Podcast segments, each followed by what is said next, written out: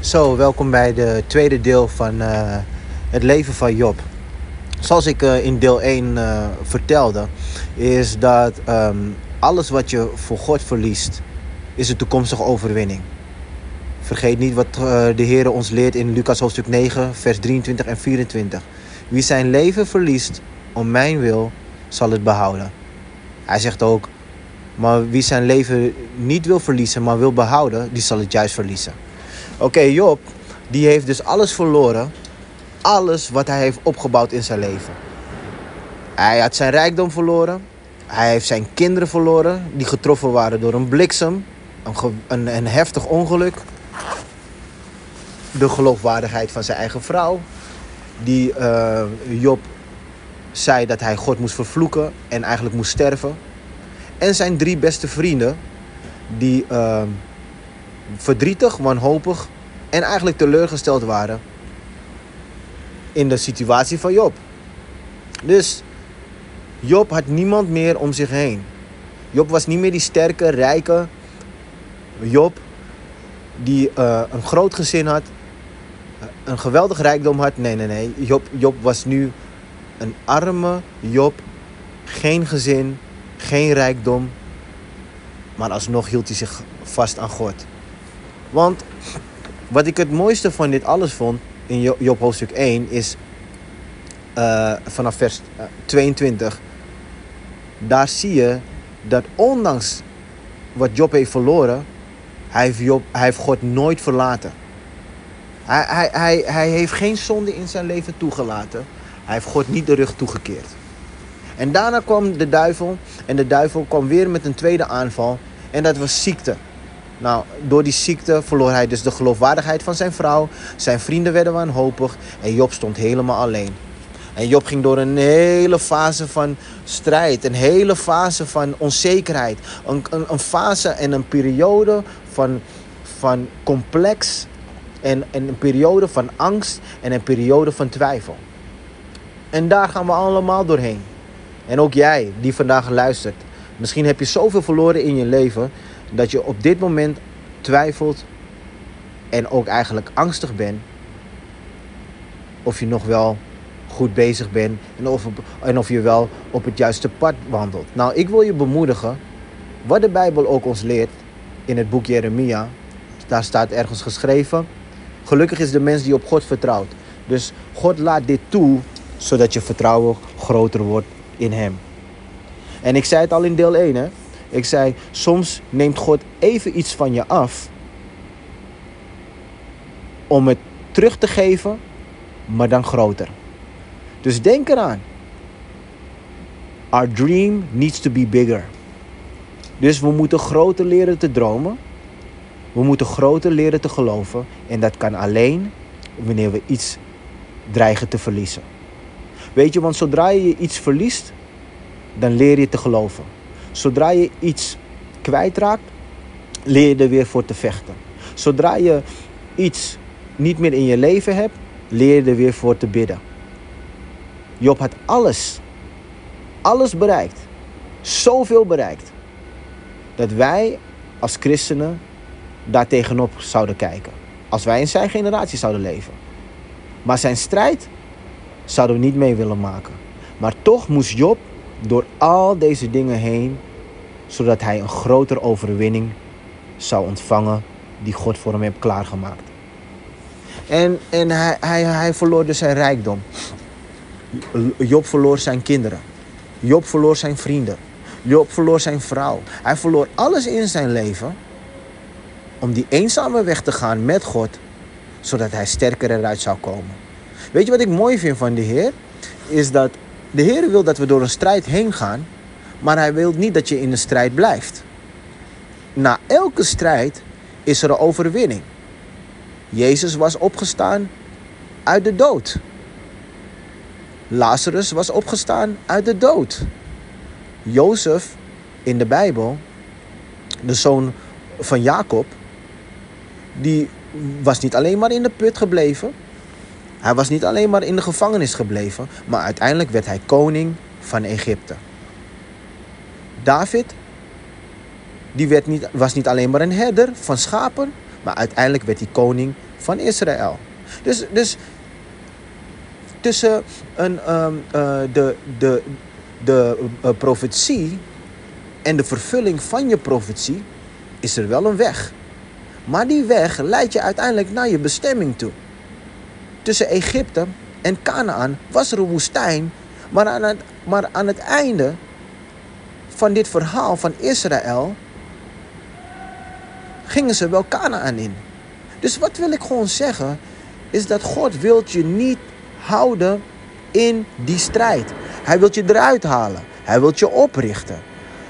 Het is, het is, het is belangrijk dat jij en ik elke keer weten dat God ons als overwinnaar wil maken. Maar er is een weg te gaan, hè? Er is een weg te gaan en een beproeving. Want, want misschien heb je al een overwinning behaald en misschien ben je al succesvol.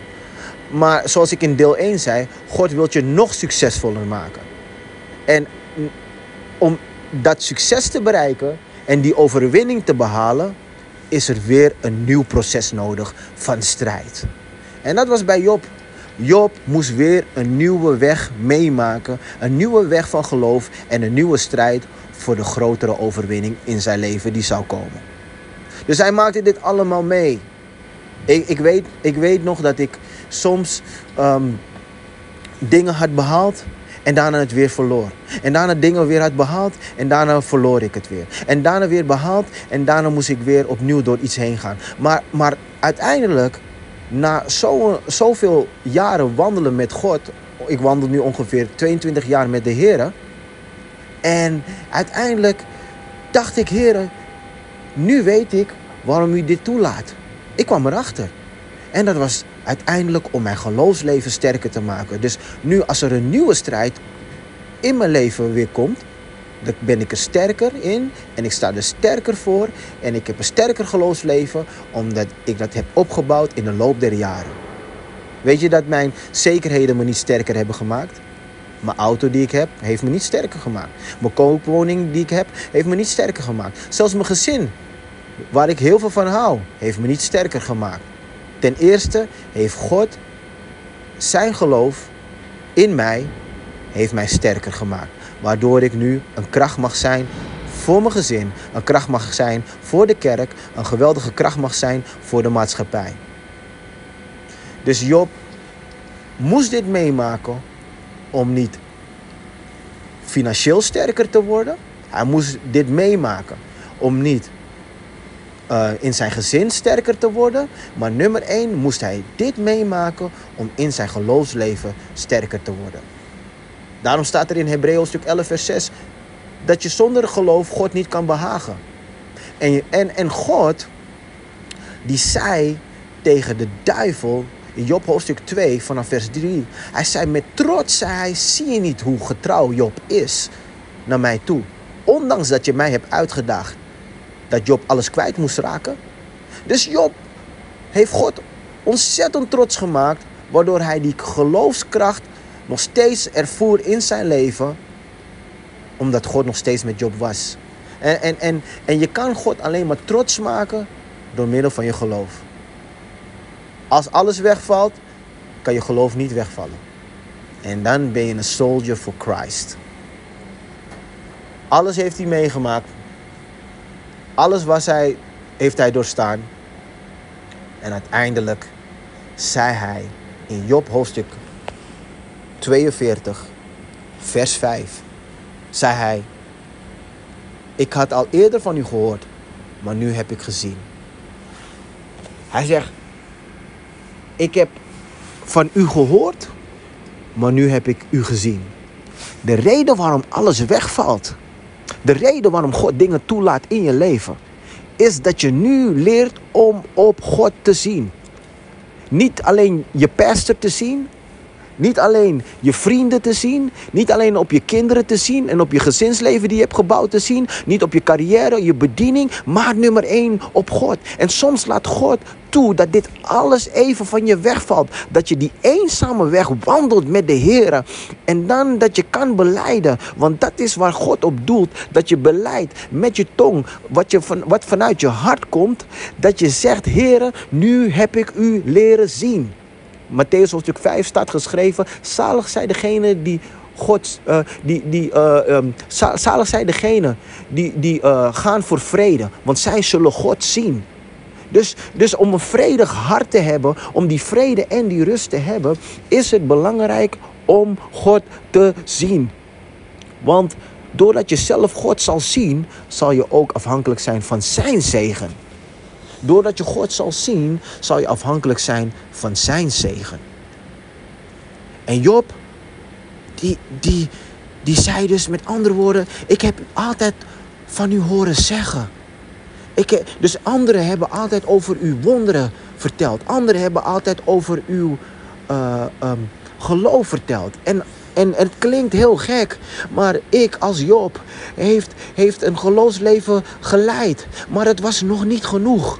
Eigenlijk moest ik uh, uh, iets meemaken in mijn leven. Ik moest u zien in mijn ellende. Ik moest u zien in, in deze donkere dal van diepe duisternis. Moest ik u zien. Maar u was het licht in mijn leven. Waardoor ik ook zag dat u mij eruit hebt kunnen halen. Ik heb u moet moeten leren zien. En ook vandaag. Waarom moet je dit meemaken? Waarom moet je zo'n een, een, probleem mee, meemaken? Je moet het meemaken omdat je God moet leren zien. En zien betekent je moet hem leren kennen. Ja, we moeten God leren kennen. Wat hij kan doen. En zodra je dat beleidt, dan zal God je verhogen. Waarom? Je geeft God de plaats en je geeft God alle eer in jouw situatie. Laten we verder gaan, Job, hoofdstuk 42, vers 7. En vanaf vers 7. Je kan het voor jezelf lezen. Daar, staat, daar zie je hoe Job werd gezegend. 7. Dan zie je hoe Job offers bracht. Vers 7. En, en dan verder zie je ook hoe Job weer opklom. En zijn geloof kwam weer op. En, en, en, en hij, hij werd weer die, die Job zoals toen, maar dan krachtiger. Weet je, daarom zeg ik ook tegen je: alles wat je nu verliest, is voor een groter doel. And his test became a testimony. That's why every, every glory has his story. Every process, after every process, there is success. En Jozef, die had succes meegemaakt. Jezus had succes meegemaakt. David had succes meegemaakt. Job had succes meegemaakt. Maar al deze mannen in de Bijbel gingen door een heftig proces. En dan zie je vers 12. Vers 12, nadat Job weer opklom in zijn geloofsleven, zegende God Job met meer dan wat hij toen had. De Bijbel zegt hier dat, dat Job, um, die werd gezegend met 6000 kamelen. 14.000 schapen. Terwijl Job had eerst 3000 kamelen. 7000 schapen. Job werd gezegend met 1000 span ossen en 1000 ezels. Terwijl in Job hoofdstuk 1 zie je dat hij maar 500 span ossen had en, en 500 ezels. En, en God zegende hem met zeven zonen en drie dochters. En de Bijbel zegt dat nergens in, in, in het land waren er zulke mooie vrouwen als zijn dochters. En, en Job leefde daarna nog 140 jaar en maakte zijn kleinkinderen en achterkleinkinderen mee die werden geboren. En tenslotte, vers 17, hij stierf op hele hoge leeftijd tevreden en met zijn leven. Hé, hey, dit is zo mooi hè. In, in, in, in, Afrika, in, in, uh, in Ghana, mijn vrienden daar, die, heb, die, die zingen dat lied uh, that God is a, uh, is a God of the double double. So when God is blessing you, he wants to bless you double. Double, double, double. Hij wil je een dubbele geven. Dus, dus alles wat van hem was afgenomen, werd hem dubbel, werd hem dubbel teruggegeven. Hij werd dubbel gezegend.